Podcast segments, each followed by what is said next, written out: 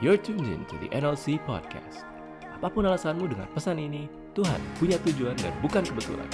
Buka hati dan perubahan bisa terjadi karena firman lebih tajam dari sekadar pesan. Selamat mendengarkan.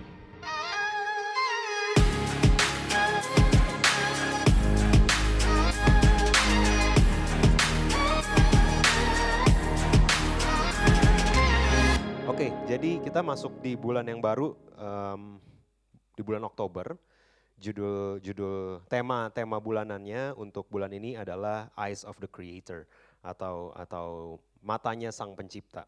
Di mana banyak hal yang yang yang mungkin akan kita lihat berbeda, banyak hal yang mungkin akan kita rasa berbeda kalau kita memiliki perspektif dari Tuhan, kalau kita memahami apa yang Tuhan lihat, kalau kita memahami seberapa berbedanya antara apa yang menjadi pemikiran kita, apa yang menjadi rancangan kita, apa yang menjadi identitas kita dengan apa yang Tuhan lihat. Nah, di of course di di tahun-tahun terakhir, mungkin bisa saya bilang di tahun-tahun terakhir kita melihat eh, ada sebuah pergeseran besar di mana eh, kalau kalau mungkin dalam dalam bahasa dalam bahasa yang eh, dalam istilah yang lebih mudah dipahami eh, mungkin humanis namanya di mana humanis eh, itu berkembang dengan cukup pesat.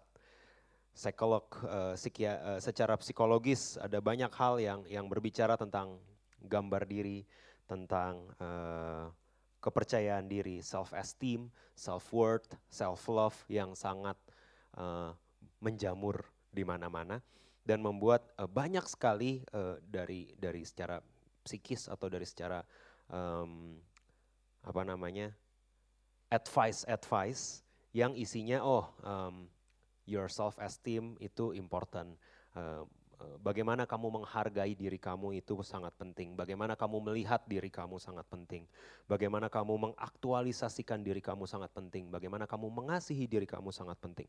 Dan dan em, dari dari yang kita lihat em, pandangan-pandangan ini sedikit banyak mulai em, membasahi pandangan-pandangan yang ada di gereja, pandangan-pandangan yang disampaikan dan melalui firman Tuhan. Em, banyak sekali khotbah-khotbah yang isinya hampir-hampir tidak ada bedanya dengan em, apa yang humanis sampaikan di luar sana. Bahwa you are precious, you are worthy and special, you can do all things, this is your season, you are significant, you are amazing just the way you are. The last one mungkin dinyanyikan lebih cocok gitu. You are amazing just the way you are. Kayak all of these songs, all of the medi- media out there, semua lagu-lagu, lirik-lirik, baik yang rohani maupun non rohani, kalau kamu perhatikan udah mulai blur bedanya, bahwa kamu itu orang yang spesial, kamu itu spesial, uh, you are lovely, you are uh, awesome, you are precious, uh, you're just amazing, just the way you are. Dan dan kalau kita telaah lebih dalam apa yang ditulis di Alkitab bisa jadi yang disampaikan di firman Tuhan tidak selalu atau tidak serta merta berisi hal yang sama. Tapi yang kita eh, yang yang mengerikan adalah banyak sekali eh, khotbah atau banyak sekali quotes quotes atau banyak sekali em, pesan yang yang diamini oleh orang percaya yang isinya kalau kita lihat itu tidak sama dengan apa yang ada di eyes of the creator, ah, tidak sama dengan apa yang Tuhan lihat, tidak sama dengan bagaimana Tuhan melihat. Oke, jadi judul khotbah hari ini adalah dalam perbudakan, sebuah judul yang tidak oke. Eh, saya bergumul antara judul dalam perbudakan atau sadar diri dong, cuma to avoid some controversy, I do not put sadar, sadar diri dong jadi khot- jadi judul khotbah dan lebih ke dalam perbudakan. Anyhow, um, you are precious, you can do all things. This is your season, you are significant, you are worthy and special. Banyak hal yang membuat kita feels good. Uh, kita suka khotbah-khotbah di mana pun. I- I'm, I'm talking about khotbah karena ini orang-orang percaya dan kita lihat Paulus menulis hal yang sama untuk jemaat-jemaat uh, bahwa hey, orang-orang yang yang mengaku percaya Tuhan ini hidupnya agak-agak berbeda sama apa yang menjadi prinsip mengikut Tuhan. Karena karena apa yang orang-orang yang disebut percaya Tuhan ini mereka so full of himself. They put themselves, mereka menempatkan diri mereka di di pusat sebagai center dari every picture sama seperti Instagram feed mereka. Di semua selfie mereka, mereka ada di tengah, front, center, pretty, looking good. Sama seperti anything else in their lives, they are front and center. Padahal apa yang Yesus sampaikan, apa yang Yesus ajarkan, apa yang firman Tuhan beritakan, tidak selalu sama seperti itu. Betul kamu spesial, betul kamu dibuat spesial oleh Tuhan. Saya tidak bilang, you are fearfully and wonderfully made. That is true. Yang menjadi masalah adalah ketika men, ketika kita mencampur adukan apa yang menjadi pandangan di luar sana dengan apa yang Alkitab tulis dan kita membenarkan diri, ini yang menjadi salah kaprah. All modern day counseling and sermon focus focus to talk about you. Nah, kalau yang kita lihat di, di, di Alkitab itu sesuatu yang berbeda. Saya mau bawa kamu ke sebuah uh, mistranslation terbesar di Perjanjian Baru, um, um, salah terjemahan terbesar yang yang yang mem, me, membuat, I think membuat sebagian besar orang berpikir keliru mengenai kebenaran yang disampaikan di Perjanjian Baru. Ada satu kata di Perjanjian Baru yang namanya dulos, right? Dulos. Dan dan di banyak ayat kita melihat Yesus berkali-kali Yesus tidak tidak tidak asing dengan konsep dulos dalam bahasa Yunani ini. Uh, berkali-kali Yesus menyebutkan kata dulos seperti berbahagialah dulos yang didapati tuannya melakukan tugasnya ketika tuannya datang. Selalu ketika dia bicara kingdom of God dan dan perumpamaan, dia selalu sebut orang-orang ini sebagai dulos. Maka kata tuannya itu kepadanya, 25 Matius 25 Baik sekali perbuatanmu itu, hai dulos yang baik dan setia. Engkau telah setia dalam perkara kecil, aku akan memberikan kepadamu tanggung jawab dalam perkara besar. Masuklah dan turutlah dalam kebahagiaan Tuanmu. Matius 25, 30. Campakkanlah dulos yang tidak berguna itu ke dalam kegelapan yang paling gelap. Di sanalah akan terdapat ratap dan kertak gigi. Yesus selalu melihat hubungan dia sebagai Tuhan atau Bapa sebagai Tuhan dan pengikutnya sebagai Tuhan dan dulos, right?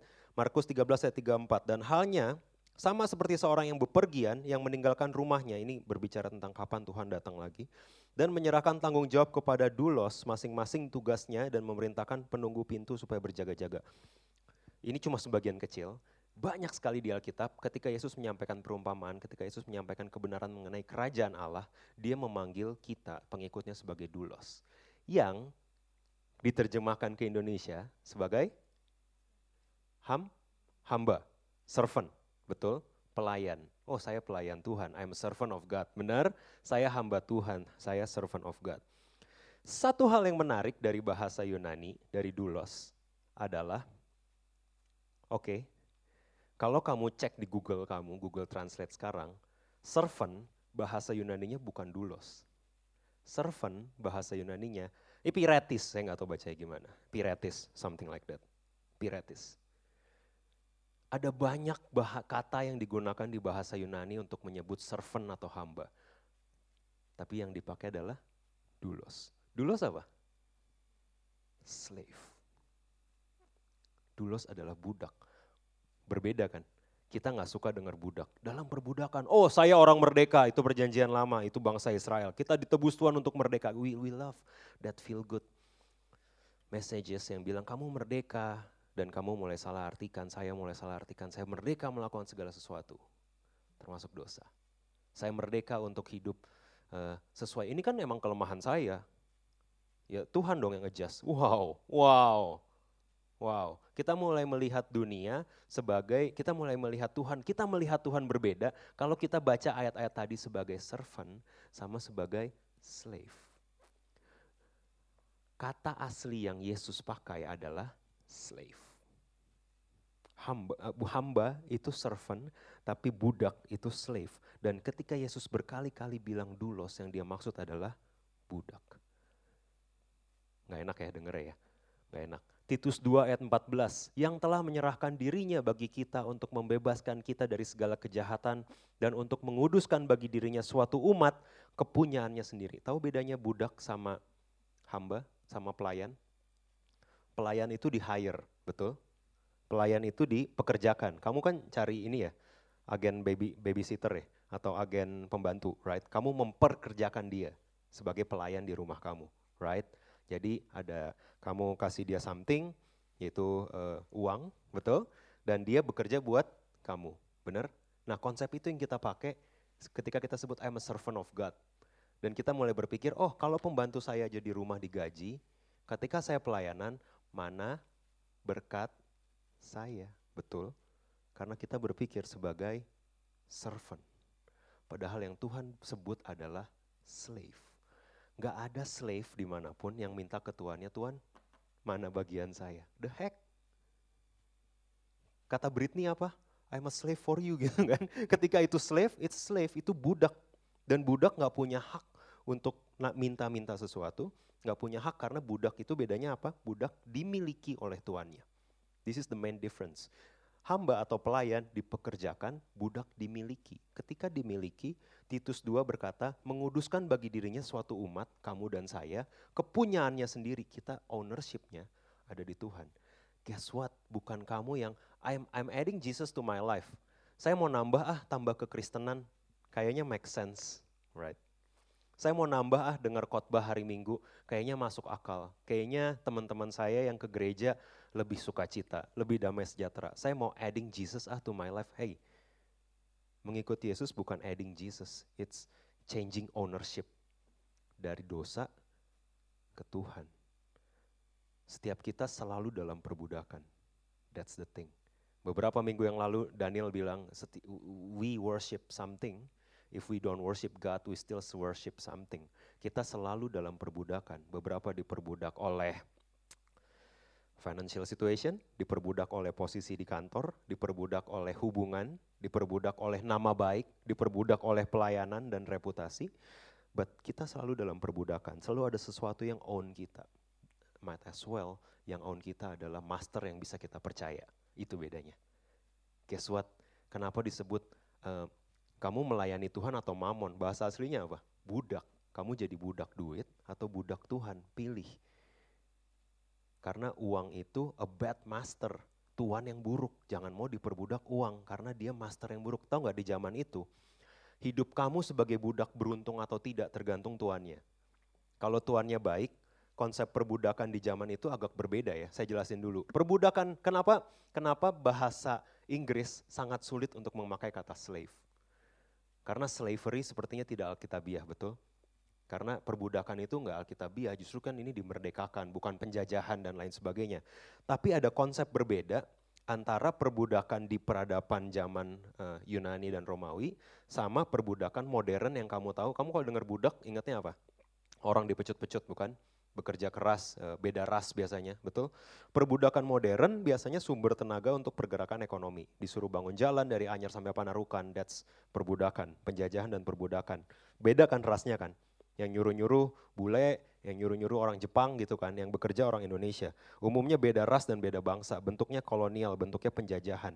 Dan budak modern tidak dilihat sejajar dan tidak diperlakukan sebagai manusia, betul? Mati, geser, mati, geser tidak diperlakukan sebagai manusia. Perbudakan di zaman Yesus berbeda sama perbudakan modern. Perbudakan di zaman Yesus sama ya, konsepnya budak itu dimiliki tuannya, itu sama. Tapi budak perbudakan di zaman ancient itu bisa jadi terpelajar dan memiliki status di keluarga dan dihargai oleh tuannya. Makanya ada orang yang kaya, Yusuf. Ketika nih budak pinter, masternya percaya sama dia, you you are in charge over my household. Right? Budak loh padahal. Karena konsepnya beda. Pernah ada, bahkan beda sama pembantu zaman sekarang. Ada pembantu yang mungkin at some point bisa sampai ke level itu setelah puluhan tahun. Tapi kan kita biasanya nggak, eh, kamu urus rumah tangga saya deh, ini ini uang bulanan saya serahin ke kamu semua, saya terima beres. We don't do that to uh, asisten rumah tangga kita hari ini. But back then, budak ini kalau dia bisa show himself worth, ini akan dipercayakan hal besar. Oh, interesting. Now make sense. Barang siapa budak yang setia dengan perkara kecil, dia akan dipercayakan perkara besar karena dinamika budak dan master di zaman itu seperti itu. Bisa jadi dalam ras yang sama. Jadi kalau kamu jalan-jalan di ancient Rome, kamu nggak akan melihat uh, ada yang beda ini budak atau ini tuan. Semua rasnya sama. Hanya dia memang statusnya budak. Oke. Okay? Dan dianggap sejajar dan diperlakukan lebih manusiawi. Jadi budak di zaman itu masih ada gladiator, Spartacus yang kami non, kamu nonton tuh masih masih mungkin akurat, tapi bedanya adalah tergantung tuannya. Kalau tuannya baik, your life is pretty much sorted out itself. Kalau tuanmu adalah tuan yang bilang, hey, kamu punya hutang seribu talenta, guess what? Udahlah, gak usah. Kalau tuannya yang kayak gitu, kamu adalah budak yang paling beruntung. Ini konsep dan dinamika yang tidak kita pahami ketika kita translate, translate, translate jadi hamba, pelayan. Saya pelayan Tuhan. Kamu kenapa sebut pelayan Tuhan? Karena saya melayani di mimbar. Is it? No, budak itu the whole life dimiliki oleh masternya. Bukan cuma waktu hari-hari tertentu. Kalau kamu pelayan, kalau kamu employee, iya, jam kerja saya dimiliki oleh uh, yang memperkerjakan saya, betul? Ketika kita berpikir bahwa kita pelayan Tuhan dan kita naik ke sini melayani, oh saya udah melayani Tuhan, is it? No, konsepnya Tuhan bukan pelayan, konsepnya budak dan budak. The whole thing, the whole life dimiliki oleh tuannya. Ini yang jadi keliru ya. Ketika kita berpikir hubungan kita sama Tuhan adalah simbiosis mutualisme, betul? Oh, kalau saya udah beriman, kalau saya udah oh, apa? Uh, saya saya coba bikin rumus tadi pagi. Persembahan plus pelayanan sama dengan berkat dan perlindungan. Amin. Amin saudara-saudara. Kalau tidak dilindungi artinya perpuluhannya ada yang bolong. Kita berpikir bahwa hubungan kita dan Tuhan itu simbiosis mutualisme dan ini berbahaya. Ini yang membuat kita kecewa sama Tuhan. Saya kan sudah melayani. Saya kan sudah persembahan. Saya kan sudah memberi. Saya kan sudah memberikan waktu dan tenaga saya buat orang lain. Kok nggak dilindungi? Halo. Ini yang membedakan ketika kita berpikir hubungan kita dengan Tuhan adalah simbiosis mutualisme dan berpikir bahwa konsep yang benar adalah budak. Kita budaknya kebenaran. Oh, we don't like, we, kita nggak suka kata-kata yang kayak gitu. Kita sukanya saya persembahan, saya pelayanan, saya iman, saya bangun iman saya, saya punya berkat dan perlindungan. Interesting. Interesting, karena apa yang Yesus sampaikan bukan yang seperti itu. Ada budak yang bilang, I am precious. Enggak, master law yang precious. Sorry, kamu dan saya enggak precious-precious amat. Yang membuat kita precious karena kita segambar sama Tuhan. Kalau ada orang ambil foto Tesa, terus ludahin injek-injek, saya marah nggak? Marah, karena itu gambar Tesa. Pertanyaan saya, itu kertas, itu foto, bernilai enggak? Berapa yang saya perlu keluarkan untuk buat foto kayak gitu? 3 ribu? 4 ribu rupiah? Intrinsiknya nggak ada nilainya. Yang membuat foto itu berharga karena gambar siapa. Right? Now when you think about yourself, about myself, yang buat saya berharga bukan karena intrinsik saya, kognitif saya pintar, bukan karena saya multi talented, no. Yang bikin kamu dan saya berharga bukan karena kebobrokan kamu, dosa kamu di masa lalu dan achievement pelayanan kamu yang bikin kamu dan saya berharga. Karena we bear the image of God. Makanya nggak boleh membunuh. Makanya nggak boleh mencuri. Karena everyone bear the image of God. Kalau kamu ngecia orang lain, kamu nipu orang lain, kamu bully orang lain yang kamu bully image of God. That's not good. So, prinsip budak dan tuan itu dinamikanya sangat sederhana. Budak mendahulukan kepentingan tuannya. Kalau tuannya bilang kamu jadi akuntan buat keluarga saya, dia jadi akuntan buat keluarganya. That simple. Budak mendahulukan kepentingan tuannya, tuan memenuhi kebutuhan budaknya. That's it. That's it. Nggak ada. Kalau budak ada yang kelaparan terus mati di zaman ancient ya. Kalau zaman modern, I, I told you it's very different perbudakan di zaman dulu sama zaman modern. Di zaman dulu kalau ada budak mati yang paling rugi siapa? Tuannya. Satu dia malu reputasinya, masa budak sendiri aja nggak bisa dihidupin. Halo. Itu yang akan sangat memalukan buat tuannya dan budak ini nggak usah mikirin kehidupan sehari-harinya karena dia tahu asal saya ngerjain apa yang Tuhan saya suruh, amanlah hidup saya.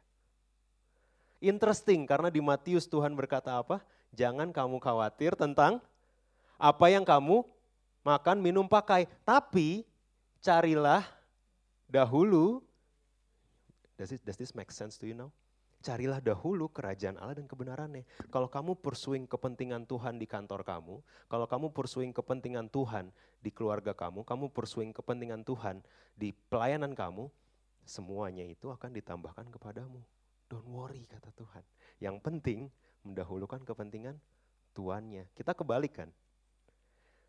Coba Tuhan bisa nggak membantu saya mencapai kepentingan saya? Kalau nggak bisa, saya cari Tuhan yang lain.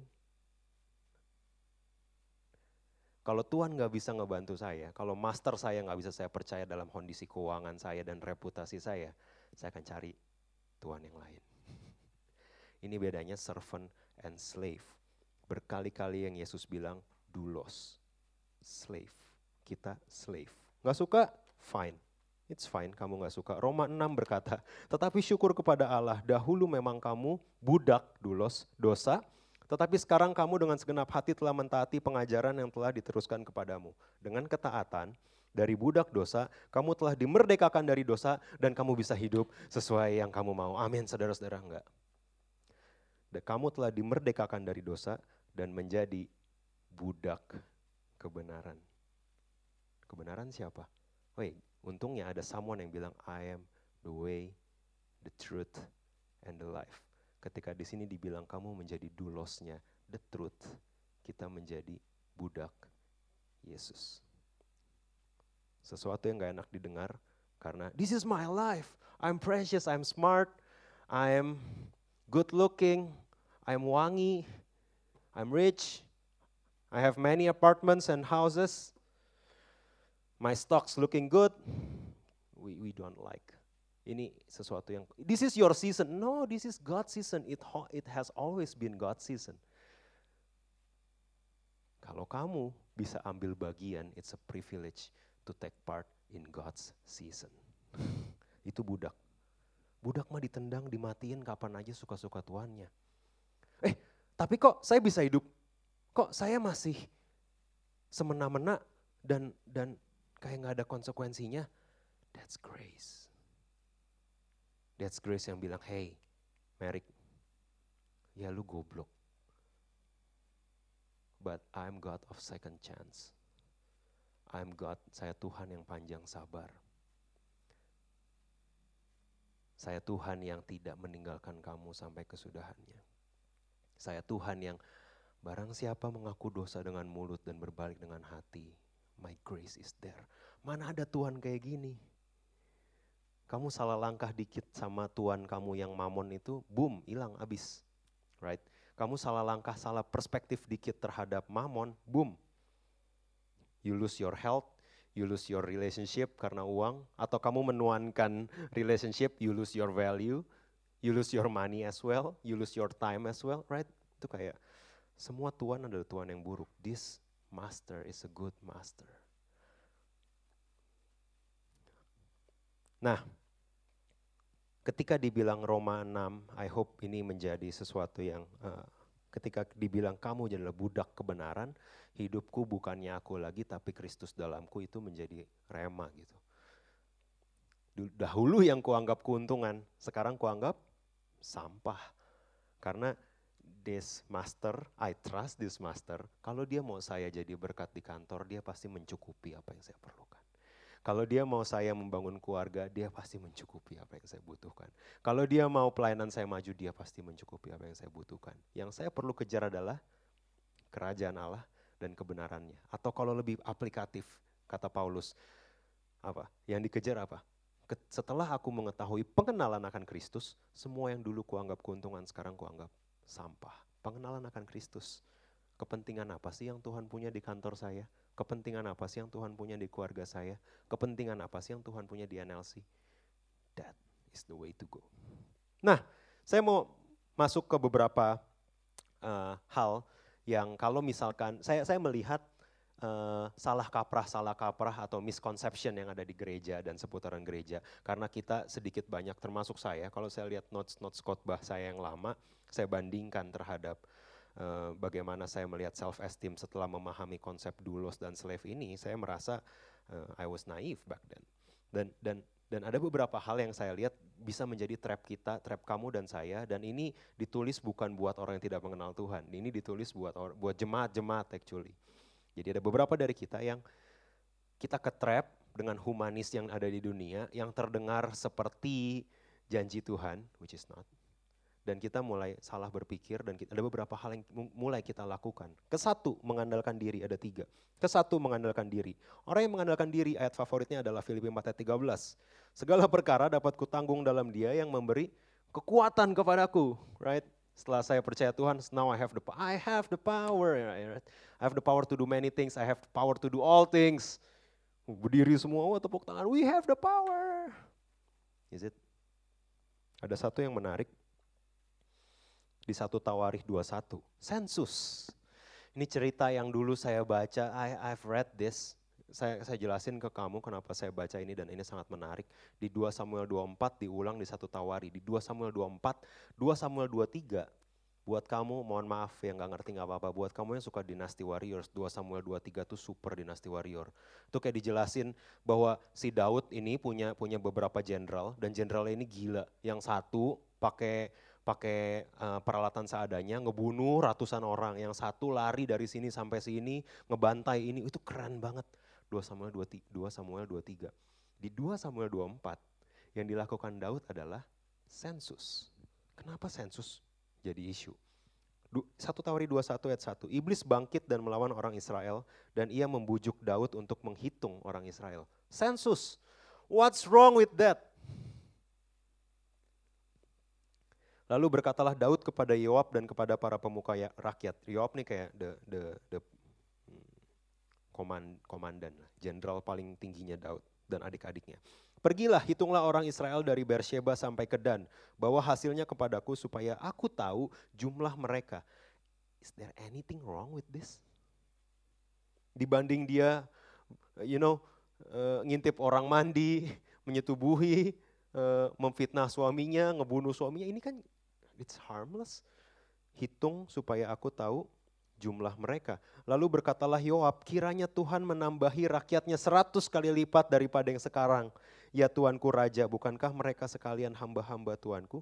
Kenapa Tuanku menuntut hal ini? Mengapa orang Israel harus menanggung kesalahan oleh karena hal itu? Interesting, Yoab tahu sensus ini jangan dilakukan. Namun titah raja itu terpaksa diikuti oleh Yoab, maka pergilah Yoab menjelajahi seluruh Israel kemudian kembali ke Yerusalem. Lalu Yoab memberitahukan kepada Daud hasil pendaftaran rakyat. Ada sejuta seratus ribu orang yang dapat memegang pedang dan orang Yehuda ada 470 ribu orang yang dapat memegang pedang. That's it, sensus. Orang Lewi dan Benyamin tidak dimasukkannya dalam pendaftaran. Titah raja itu dianggap keji oleh Yoab. Tetapi hal itu jahat di mata Allah. Sebab itu dihajarnya orang Israel. Come on guys. Why? Kenapa ngitung orang aja dianggap keji di mata Tuhan? Pernah nanya itu ketika baca Tawari? No right, karena kita ketiduran di satu Tawari satu. I, I, it's, it's Tawari, imamat Tawari. It's tiring gitu kan. Tapi why? Kenapa tuh? Kenapa jahat di mata Allah? Cuma menghitung rakyat loh. Dia nggak suruh nyembah Baal, dia nggak bangun Baal, dia nggak bikin persembahan di luar waktunya kayak Saul, enggak, dia cuma menghitung rakyat. Tetapi hal itu jahat di mata Allah. Lalu berkatalah Daud kepada Allah, aku telah sangat berdosa. Ini yang interesting yang ngebedain Daud sama kualitas saya. Kalau saya, saya akan nanya Tuhan, salah gue di mana bro? Tapi Daud, dia understand. Karena di Mazmur dia tulis apa? Manusia melihat yang di luar, Tuhan melihat hati. Ini dia tahu dari waktu dia gebalain domba. Dia tahu Tuhan tuh ngelihat hati. Kalau Tuhan gak ngelihat hati, Tuhan udah pilih kakaknya dia. Dia tahu Tuhan ngelihat hati. Maka ketika Tuhan marah sama dia, dia tahu. Aku telah sangat berdosa. Karena I think yang masalah bukan sensusnya. Yang masalah hatinya. Karena, karena di bilangan satu, Tuhan commanded the exact same thing ke Musa. Tuhan berfirman kepada Musa dalam kemah pertemuan pada tanggal 1 bulan kedua. Hitunglah jumlah segenap umat Israel menurut kaum-kaum yang ada. Tuhan suruh ya. Musa kok gak apa-apa? Kenapa pas gue di ngengeng gitu kan? Kalau jadi Daud kan nanya gitu kan. Musa gak apa-apa, kenapa pas gue ngengeng gitu? Karena Tuhan melihat hati. Yang ini Tuhan yang suruh, betul? Tuhan berfirman kepada Musa, Tuhan yang suruh. Tuhan tahu motivasinya, Tuhan tahu hatinya. Yang ini Tuhan tahu hatinya. Nggak pernah ditulis di hati Daud apa waktu dia melakukan sensus. Tapi saya rasa kesombongan, mengandalkan diri sendiri. Eh, come on, it's been a while dari dia lari-larian di Gua Adulam sama beberapa buronan, sampai ke dia punya satu juta seratus ribu plus lima ratus ribuan plus jenderal-jenderal yang keren. It's been a while. Masa ya nggak boleh? Udah apa? So take a look at me now dikit gitu kan. Itu kekejian buat Tuhan. Gila gak sih? Ada aksi yang dari luar sepertinya tidak berdosa sekalipun, bahkan kalau Tuhan melihat hati kita salah, it, itu masih kekejian buat Tuhan. Seberapa mengerikan pesan ini buat kamu? Karena ini sangat mengerikan buat saya. Hei, kalau Daud sensus dan Tuhan nganggap keji, jangan-jangan Mary khotbah dan Tuhan tetap nganggap keji loh. Jangan-jangan kamu perpuluhan dan Tuhan tetap anggap keji loh. Jangan-jangan kamu komsel, kamu kamu WL dan Tuhan tetap menganggap itu sebagai suatu kekejian. Apalagi yang gak ibadah, mohon maaf gitu kan. yang ibadah dan pelayanan aja bisa jadi kekejian buat Tuhan. Apalagi yang dengan sengaja menjauhkan diri dari pertemuan ibadah. Seperti yang dilakukan beberapa di antara kamu. Ini saya nggak saya, saya nggak nyepet itu ayat, right? Kalau yang yang sepertinya baik dan buat Tuhan aja Tuhan bisa anggap keji. Aku mengusir orang, mengusir setan dari orang lain demi namamu. Tapi nyahlah kamu pembuat kejahatan, aku tidak mengenal engkau. Miris buat saya. Dan saya harap kemirisan yang sama muncul buat kamu. Hei, apa yang kamu lakukan dari luar baik pun, Tuhan melihat hati. Kalau dalam hati Tuhan tahu kamu mengandalkan diri sendiri, itu tetap kekejian buat Tuhan. It's crazy difficult. Karakteristik ada ada orang-orang yang mengandalkan diri sendiri dan ada beberapa karakteristik. Gak perlu show of hand, gak perlu klik love atau put emoji out there. Orang yang mengandalkan diri sendiri tidak suka berdoa ketika memulai harinya, dia lebih sibuk dengan Google Kalendernya daripada doa. Kalau selain saya ada yang kena, hopefully kita sadar mungkin selama ini kita lebih sering mengandalkan diri sendiri di kantor, di rumah, di pelayanan. Kedua, menjauhkan diri dari ibadah. Ini orang yang mengandalkan diri sendiri. Karena setiap kita ibadah, Tuhan pakai orang lain, Tuhan pakai roh kudus, Tuhan pakai praise and worship untuk bawa kamu menyadari seberapa gap antara kemampuan kamu sama kebaikan Tuhan. Saya ulang, setiap kali kamu ibadah, kita punya kita sadar akan gap antara pengetahuan dan kemampuan kita sama kebaikan Tuhan dan kita semakin bersyukur karena Tuhan yang mencukupi segala sesuatu. Tanpa kita beribadah, kita akan lebih mudah mengandalkan diri sendiri. Karakteristik lagi mengandalkan diri sendiri. Oh, reputasi dan posisi adalah hal terpenting dalam hidup kamu. Kalau ada orang yang fitnah, ngenyek kamu, take your credit, langsung. Lo gila ya? Itu kerjaan gue. Mestinya gue yang punya posisi itu. Itu orang yang mengandalkan diri sendiri. Orang yang mengandalkan Tuhan, gimana antidotnya supaya kita nggak mengandalkan diri sendiri? Kita bahas ini full bulan lalu, spiritual habit. Semakin kuat habit kita tahu bahwa saya ini from a part of me you can do nothing. Di luar aku kamu nggak bisa berbuat apa-apa. Itu kata Yesus. Saya dengar banyak khotbah termasuk khotbah saya sendiri yang berkata di luar Tuhan kita nggak bisa melakukan banyak. That's not the message. Message-nya Yesus adalah di luar aku you can do nothing. Oke? Okay? Jadi spiritual habit is important. Kalau kita punya confidence, kamu kamu perlu punya confidence. You need that confidence, you need that self esteem, God esteem. Kepercayaan diri yang kamu punya bukan bangun dari kemampuan kamu, tapi dari kasih karunia dan ketaatan kamu. Kalau saya obey apa yang Tuhan mau, kalau saya percaya kasih karunia tersedia buat saya, kalau grace dan mercy ngikutin saya dan siap saya salurin ke orang lain, I have confidence. Tapi kamu gak sepinter teman kamu, kamu gak sepinter koko cici kamu, kamu gak seberuntung teman-teman sangkatan kamu. Guess what? Don't care. It's not the race, that's not the race that I need to run. Itu bukan perlombaan yang saya harus lari. Perlombaan yang saya harus lari kata Paulus adalah pengenalan akan Kristus. Guess what? Kalau kamu mengenal Kristus, nggak ada, kamu nggak perlu. Saya, saya, saya paling, saya paling uh, terganggu ketika saya mendengar hal yang kontradiktif disampaikan seperti kalau kamu taat sama Tuhan, kalau kamu kejar Tuhan, ya udah tenang aja. Pasti by produknya adalah kesuksesan, keberhasilan, nama baik, kekayaan itu akan datang dengan sendirinya. Is it? That's not the case buat Stefanus. Gak enak ya dengernya ya. Jadi budak emang gak enak, jadi pelayan lebih enak. Stefanus udah nyari Tuhan, takut akan Tuhan, Terus dia jadi pengusaha gitu. Terus dia punya gereja gede gitu. Enggak men. Terus batunya stop gitu, dua senti depan muka dia terus jatuh. Wow, we like that kind of story kan. Wah Tuhan melindungi dia, Tuhan memberkati dia, kemudian mereka bertobat, Stefanus jadi pengusaha besar, dan pengusaha ex pendeta gitu kan yang mempertobatkan kota itu. That's not the case. Stefanus mati dirajam. Kalau kita berpikir, kalau saya kejar Tuhan, hal baik ditambahkan. Saya merasa itu masih berpusat pada diri sendiri. Karena ketika hal baik tidak ditambahkan, kita mempertanyakan Tuhan. Betul? Karena itu mental pelayan.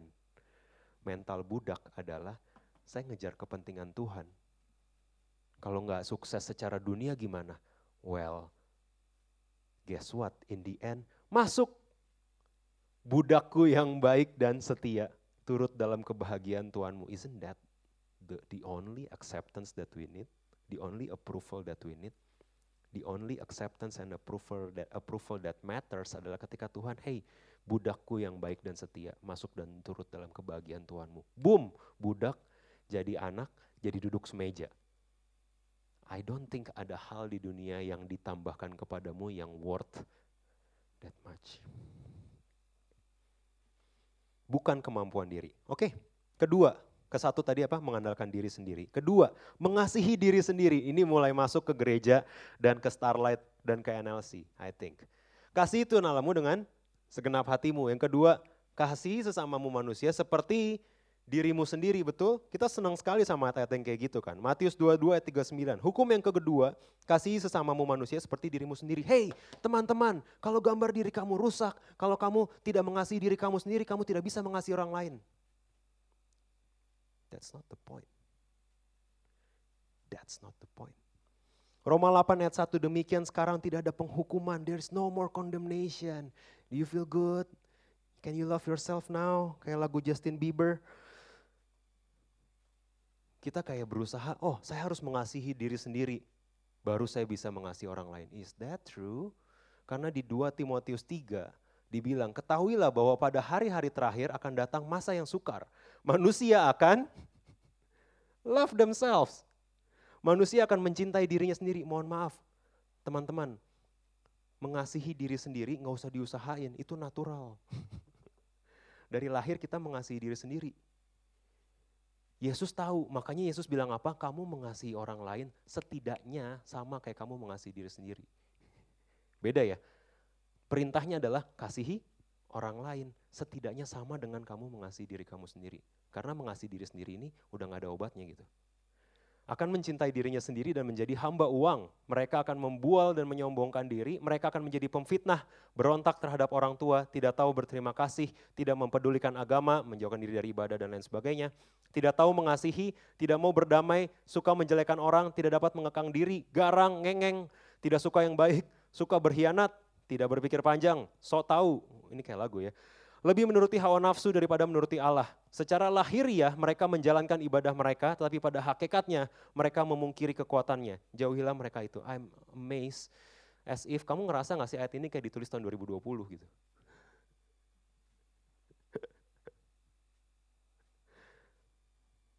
It's crazy. Karena let me tell you a secret. We are always in love with ourselves kita selalu mengasihi diri, termasuk orang yang punya suicidal thought. Orang yang mengasihi diri sendiri itu selalu mencari kepuasan kepuasan dalam hidupnya, betul? Saya harus puas. Kalau di hidup ini saya nggak puas, let me end it. Semoga di hidup berikutnya I can find that satisfaction. Semoga on the other side I can find that satisfaction. Hey, orang terlepas dari kondisi apa pun, mengasihi diri itu udah natural ketika kita jatuh dalam dosa. That's my secret. I always love myself. Jadi nggak perlu diajarin mengasihi diri sendiri. Makanya Yesus pun tahu hal ini yang Yesus bilang, setidaknya kasih Allahmu dengan segenap hatimu, segenap jiwamu, segenap akal budimu, dan kasih orang lain. That's the comment. Kalau comment artinya by nature kamu nggak akan melakukan itu kan. Kasih orang lain sama seperti kamu mengasihi dirimu sendiri. Beberapa karakteristik orang yang mengasihi diri sendiri. merasa satisfaction in life adalah hal yang utama. Gimana supaya saya bisa satisfy, satisfy in this life. Oh, saya perlu. Kalau saya perlu pekerjaan yang uh, bergengsi, let me pursue that. Kalau saya perlu aset lebih banyak, let me pursue that. Kalau saya perlu hubungan yang sepertinya sempurna, let me pursue that. Orang yang mengasihi diri sendiri merasa satisfaction adalah hal utama yang mereka harus cari dalam hidupnya. Dan ketika satisfaction itu mereka nggak temukan, apa yang terjadi? Depresi, frustrasi, salahin Tuhan, betul? Tuhan gimana saya bisa mengasihi diri sendiri kalau gaji saya cuma segini gitu. kalau saya nggak punya kerjaan, how can I love myself? Itu actually kata-kata orang yang loving themselves. Kedua, anti kritik dan masukan. Gila lo berani ngeritik gue. Lo sebaik apa? Ciri-ciri orang yang mengasihi diri sendiri. Karena gua tuh begini ya, gara-gara nyokap gua, gara-gara bokap gua, right? Selalu salah orang, salah orang lain kan. Gua tuh nggak temperamen sebenarnya, cuma kondisi keluarga gua. Asik, right? Always someone else issue, always someone else do something to you. Mengasihi dan mengasihani diri sendiri itu sangat-sangat mepet menurut saya. Dan ini terjadi ketika kita try selalu mencari cara, you know, you know what, orang yang satu-satunya orang yang bertanggung jawab atas yang terjadi dalam hidup kamu adalah Tuhan kamu. Untungnya your master is a good master that you can trust. Right? Bukan family kamu, bukan teman-teman kamu, bukan salah mantan kamu, bukan salah mentor kamu, bukan salah pelayan-pelayan NLC. So, mengasihi diri sendiri adalah sesuatu yang berbahaya. Hati-hati kalau kamu mulai mendapati diri kamu dikritik dan kamu ngengeng dan defensif, mungkin symptoms mengasihi diri itu udah mulai muncul. Kesulitan berempati, itu juga karakteristik mengasihi diri sendiri. Antidotnya apa? Oke, kalau kita mau berhenti mengasihi diri sendiri, cuma satu, It's not LGBT, it's LGLP. Asik, norak banget ya, sorry. LGLP, love God, love people. Langsung kan si Daniel. Love God, love people. Loving God and loving people itu antidotnya kalau nggak mau mengasihi diri sendiri. Interesting, kalau sehari-hari kerjaannya cuma ngecekin hal yang berkaitan dengan diri sendiri, seberapa nyaman saya hari ini, seberapa bagus khotbah hari ini, khotbah gereja mana yang Mana yang bisa uh, memberikan saya makanan terbaik? Gereja online mana yang bisa memberikan saya makanan terbaik? Have you ever come to church atau ikut gereja online dan berpikir apakah pelayanan di depan perlu saya tanyain kabarnya? Apakah mereka melayani di kondisi keluarga mereka yang juga lagi sama semaputnya kayak saya? Have you ever tune into our Instagram, to our Spotify and asking that question? Atau, ah ini khotbahnya kepanjangan, saya cari yang 30 menit. Ah, PW-nya kresek-kresek, saya cari yang lebih bagus suaranya. Ah, WL-nya suka fales, kalau di gereja sebelah lebih fleksibel, saya bangun jam 12 bisa ikut jam 1, saya bangun jam 3 bisa ikut jam 4. Ketika kita datang ke gereja, komsel, pelayanan, datang ibadah cuma cari what's in it for me, we are doing it wrong we are setting up ourselves for a big disappointment. Kita men-set up diri kita untuk kekecewaan besar. Datang ke gereja, datang ibadah dengan sikap mengasihi diri. Perintah Tuhan, kasihi Tuhan dan kasih orang lain. Kenapa kamu ke gereja? Di refresh itu efek samping. Iman kamu bertumbuh itu efek samping. Yang utama kenapa berkomunitas, mereka memecah-mecahkan roti ketika ada yang kesulitan, mereka membantu satu sama lain. Dengerin orang sharing 5 menit di komsel aja gerah. Cerita itu, itu mulu. Kok dia gak berubah-berubah ya? Asik. Right? How can we love God and love people, tapi setiap kali kita ibadah, yang ada tuh kita mencintai diri sendiri. Karena di Timotius bilang, secara lahiriah mereka menjalankan ibadah mereka. Guys, ini nggak lagi ngomongin yang nggak ibadah. Ini ngomongin orang-orang yang ibadah, orang-orang yang pelayanan, tapi mereka melakukan atas dasar mengasihi diri sendiri. What's in it for me? Orang yang mengasihi diri dan mengejar rasa aman dan kepu, orang yang mengasihi diri akan pursue dua hal. Satu security, kedua satisfaction. Betul? Kalau bicara gambar diri, gambar diri saya rusak karena teman-teman saya. Identitas saya rusak karena keluarga saya. Gambar diri saya berantakan karena mantan saya. Semua orang salah. Menge ya karena orang yang mengasihi diri akan mengejar security and satisfaction. Saya nggak secure nih kalau pacar saya nggak X. Saya nggak secure nih kalau mentor saya nggak Y. Saya nggak secure nih kalau orang tua saya nggak Z. Orang yang mengasihi diri sendiri akan mengejar security and satisfaction. Sebaliknya, kekristenan, waktu waktu orang di ancient time bilang aku Kristen dan bilang saya budaknya Kristus yang mati.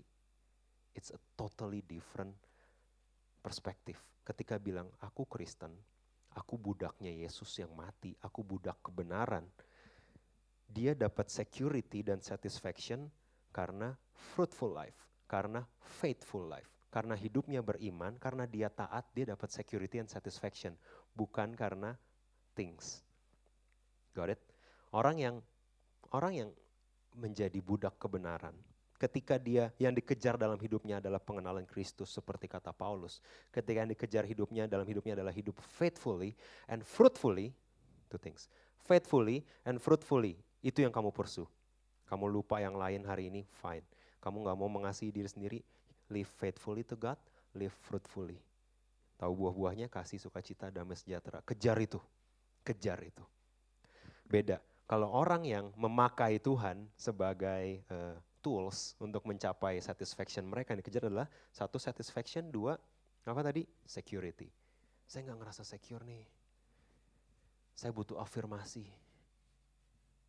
Katanya teman komsel, kok nggak pernah muji saya? Lah, kekristenan itu harusnya dapat that security and satisfaction cuma dari satu hal. Ketika hidupnya faithful dan hidupnya fruitful. Ketika kita beriman, ketika kita berbuah, kita merasa secure meskipun financially sepertinya tidak secure. Kita merasa satisfied meskipun live in singleness. Kita merasa satisfy meskipun pacaran dan nggak tahu kapan nikah. Kita satisfy meskipun nikah nggak tahu kapan punya anak. Kita satisfy meskipun punya anak nggak tahu kapan gede. Kita satisfy meskipun masih tinggal sama orang tua dan belum punya rumah sendiri. Kita satisfy meskipun masih staff dan belum manajer. Kita satisfy meskipun kantor kita baru lima orang, sementara teman seangkatan kita udah lima ribu orang. We feel satisfied and secure because we live faithfully and fruitfully. Karena race-nya bukan race banyak-banyakan, keren-kerenan. Race-nya adalah sampai ada yang buka pintu terus bilang, masuk budakku yang baik dan setia. Turut dalam kebahagiaan Tuhanmu. That's our race. Ketiga, meninggikan diri. Ada ada tiga ya. Jadi antidotnya untuk tadi saya ulang, antidotnya mengandalkan diri adalah spiritual habit. Antidotnya dari mengasihi diri adalah find ways to love your God more and love people more. Ketiga, meninggikan diri. Ayat favoritnya apa? Peliharalah aku seperti biji mata, sembunyikan aku dalam naungan sayapmu. Interesting, karena the whole Bible yang isinya biji mata Tuhan tuh cuma ini loh. Ya kan? Kamu berpikir, kamu berpikir ada ayat yang bilang bahwa kamu adalah biji mata Tuhan kan? Cari coba. Itu jadi quotes, jadi ini di mana-mana. Tapi the, the, the what's in there adalah peliharalah aku seperti biji matamu. You are special. Yes, you are. Karena kamu imago Dei, karena kamu membawa gambarnya Tuhan. That's the only reason you are special.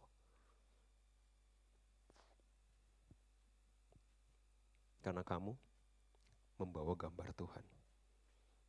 Mazmur 139 ayat 14. Aku bersyukur kepadamu oleh karena kejadianku. I am fearfully and wonderfully made. Ajaib apa yang kau buat, jiwaku benar-benar menyadarinya. Orang-orang yang ketrap dengan meninggikan diri akan suka ayat-ayat yang kayak gini.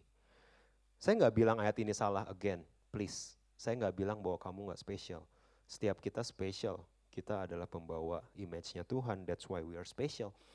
Saya nggak bilang kita nggak spesial, tapi saya mau berikan beberapa ayat yang jadi antidot supaya kita nggak terlalu narsis di tengah selfie world and narcissistic world ini. I hope you guys you guys are good with that. Filipi 2 ayat 1.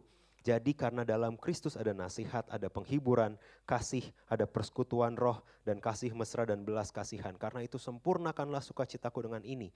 Hendaklah kamu sehati sepikir dalam satu kasih, satu jiwa, dan satu tujuan.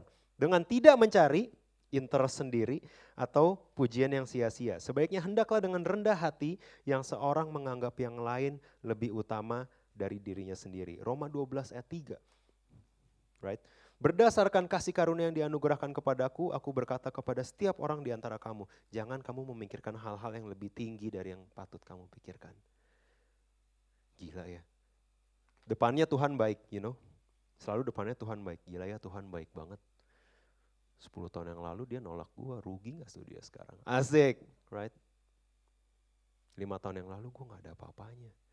Kalau gue lihat sekarang, uh Tuhan baik. Is it? Ingat, yang tahu hati kamu cuma kamu dan Tuhan. Atau yang di dalam hati kamu adalah, hmm, rugi kan lu? lu underestimate gue, ngaco kan lu? Gua saham blue chip gitu kan. Lu cuan kalau dulu invest di gua. Jangan kamu memikirkan hal yang lebih tinggi dari yang patut kamu pikirkan. Ayat-ayat yang gak enak akan saya berikan. 1 Korintus 13 ayat 1 sampai 2 bilang kayak gini, kamu bisa bahasa malaikat. Tapi kalau kamu nggak punya kasih, kamu tuh nothing. Uh, bisa bahasa malaikat itu, you know, salah satu salah satu uh, indikasi seseorang itu very very smart dan sangat-sangat dihargai di masa itu di masa Greek Greco-Roman itu adalah ketika dia fasih dalam berbagai bahasa, right? This means ini orang kognitifnya bagus, intelektualnya bagus. Dan, dan Paulus bilang, kalaupun kamu bisa berbahasa malaikat sekalipun, kalau kamu nggak punya kasih, kamu seperti gong dan seperti canang, nggak ada isinya, kata dia. Hey, interesting, interesting karena kita karena kita merasa bahwa oh saya lebih valuable sekarang karena karena penghasilan saya lebih tinggi dari yang seusia saya. Ho, ho, ho, ho, ho, ho.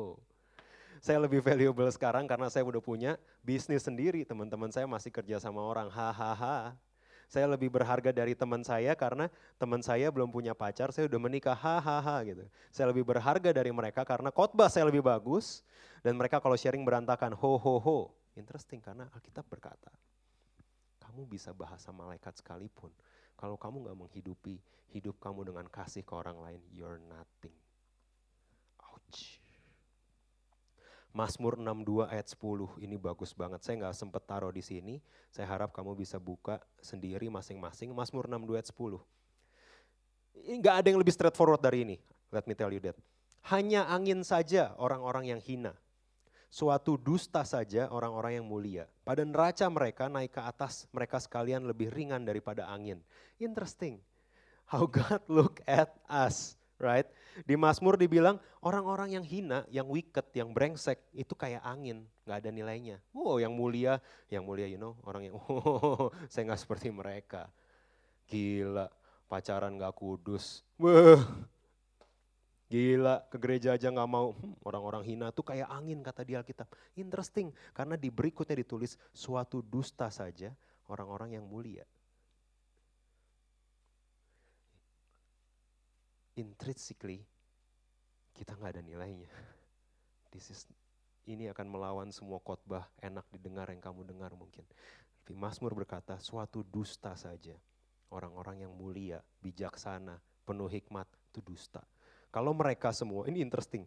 Pada neraca mereka naik ke atas. Artinya apa? Kalau semua orang busuk ditambahin sama semua orang mulia, itu timbangannya naik ke atas katanya dia.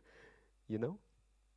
kalau ditambahin intrinsically, kita tuh nggak ada harganya. Mau kamu mulia, mau kamu hina, itu nggak ada harganya. Nggak ada nilainya. Kok gitu ya khotbahnya ya? ya karena intrinsically kita debu. Interesting kan? Menarik ya? Waktu kita buat dosa, kita maunya Tuhan mempertimbangkan kita sebagai debu. Bener gak? Kan Tuhan ingat aku debu dan tanah. Ampuni aku dong Tuhan, iya kan? Bener kan? Pas berdosa kita maunya dianggap sebagai debu dan tanah. Tapi pas kita sukses, Tuhan beruntung gak sih ada gua di NLC? Tuhan beruntung gak sih ada saya di kantor? Uh, kalau gak ada gua jadi apa ini? Wow, wow. When it comes to achievement, kita overestimate ourselves when it comes to sin, wah Tuhan kan tahu aku debu. No, Tuhan konsisten kamu debu. kamu debu. Kamu dan saya debu, nothing. 50 years from now, 100 years from now, mungkin nggak people will forget apa yang kamu bangun hari ini. Kuncinya bukan diingat atau tidak diingat. Kuncinya adalah kita image bearer kita pembawa gambarnya Tuhan. So might as well we live like it. Kita berharga karena kita membawa gambarnya Tuhan di hubungan, di cara berpacaran, di pernikahan, di keluarga, di kantor, di bisnis, di pelayanan. Might as well we live like it. Weighted by God on His scales, man has no weight. Kita nggak ada beratnya, nggak ada kabotnya, nggak ada kemuliaannya. Nah, karakteristik meninggikan diri sendiri. Oke. Suka mencari kesalahan orang lain. Dari dapat nilai 98 yang dicari adalah kenapa tidak 100. That's it. Suka mencari kesalahan orang lain ini adalah ciri-ciri orang yang suka meninggikan diri sendiri. Ih dia sukses ya? Ya iyalah. Kalau lahir di keluarga itu siapa yang gak sukses? Wow. Wow, really? Hebat ya dia udah maju sekarang. Ya well kalau itu lu anggap maju ya fine, asik. Mulai songong, mencari kesalahan, penuh dengan penghakiman. Gila ya pelayanannya bagus ya, iya. Dia nyanyinya bagus, sebagus fitnah dan gosipnya. Asik. Penuh dengan penghakiman, suka mencari kesalahan. Nah ini yang ketiga yang menarik. Saya suka banget waktu Francis Chan bilang gini karakteristik orang yang sombong, meninggikan diri, menginterpretasikan firman Tuhan sesuai interest kita. Perpuluhan itu perjanjian lama. Ya suka-suka lu gitu kan. Menjaga kekudusan tuh buat orang di perjanjian lama. Fine. Menghormati orang tua cuma buat yang orang tuanya takut Tuhan. Wow, bikin aja terus sendiri gitu kan, tambah-tambahin gitu kan. Bebas. We are free. Kita ada freedom untuk interpret firman Tuhan sesuai apa yang kita pengen dan yang kita mau. Interesting. Hormati suamimu. Iya. Kan itu generally. Kalau suaminya kayak gini gimana hormatinya? Kasihi istrimu. Yang nulis nggak punya istri sih gitu kan. Kalau dia punya istri gimana cara mengasihinya? Well, we interpret Bible pakai lensa kita, pakai apa yang kita mau. And it's very dangerous menginterpretasikan firman Tuhan sesuai mau-maunya kita aja. Dengerin pas kita lagi suka, pakai ayat pas kita lagi senang. Pas berdosa ayat hafalannya apa? Engkau tahu aku adalah debu sejauh timur dari barat itu. Lupa semua yang semua yang bilang apa? Hendaklah kamu kudus sama seperti aku kudus itu lupa. Ingat yang pas aja, right? Right? This is very dangerous karena itu adalah contoh atau karakteristik dari orang-orang yang meninggikan diri sendiri. Lukas 9, Yesus bilang apa? Yesus kasih antidot buat orang yang suka meninggikan diri sendiri. Seperti saya dan mungkin beberapa dari kamu yang dengar. Katanya kepada mereka semua, setiap orang yang mau mengikut aku, ia harus menyangkal dirinya, memikul salibnya setiap hari dan mengikut aku. Interesting, ada kata setiap hari di sana. So ada ada merik versi busuk yang sebenarnya hidup di dalam sini. Dan Yesus berkata, yang itu harus disangkal setiap hari. Maunya merik yang busuk itu harus dibunuh setiap hari. Ini cara kita hidup lepas dari meninggikan diri sendiri. Bangun-bangun, oke, okay, saya nggak akan kasih makan merik yang busuk hari ini. I'm gonna deny that person. I'm gonna deny that flesh. Ia harus menyangkal dirinya setiap hari dan mengikut aku. Karena barang siapa mau menyelamatkan nyawanya, ia akan kehilangan nyawanya. Tapi barang siapa kehilangan nyawanya karena aku, ia akan menyelamatkannya. Menyangkal diri berarti mematikan kepentingan diri setiap hari untuk kepentingan Tuhan. I'll leave you with that. Antidot untuk kita nggak meninggikan diri adalah sadar setiap hari. Ih gila ya bisa ya dia dosa kayak gitu ya. Wait, wait, wait, wait, wait, wait, wait, wait, wait. Careful, careful, careful. Interestingnya Tuhan nggak pernah menempatkan kita sebagai hakim. Dia pembela kita, iblis pendakwa kita. Kalau lu mulai ngedakwa temen lu, lu ada di pihak jaksa penuntut, yaitu iblis. Yang mendakwa iblis. Pembela kita Tuhan. Right? Waktu kita mulai mendakwa orang lain, waktu kita mulai mendakwa diri sendiri, waktu kita mulai kalau untuk diri sendiri grace and mercy, kalau untuk orang lain truth. Wow. Ini yang perlu disangkal tiap hari, yang perlu sadar setiap hari bahwa hey, hari ini Merek yang goblok jangan sampai menang. Oh, every day. Sangkal diri dan pikul salib. Let me tell you, you're not gonna win every day. Ada waktu-waktu di mana kamu kalah. Daging ini lemah. Roh penurut daging lemah. There are many times yang mungkin kita kalah. Tapi men, uh, loving God, loving people, spiritual habit, ingat, nggak berarti kita harus nyerah, right? Ada beberapa hal within our control, kayak your spiritual habit, that's within your control. Loving God and loving people, that's within your control.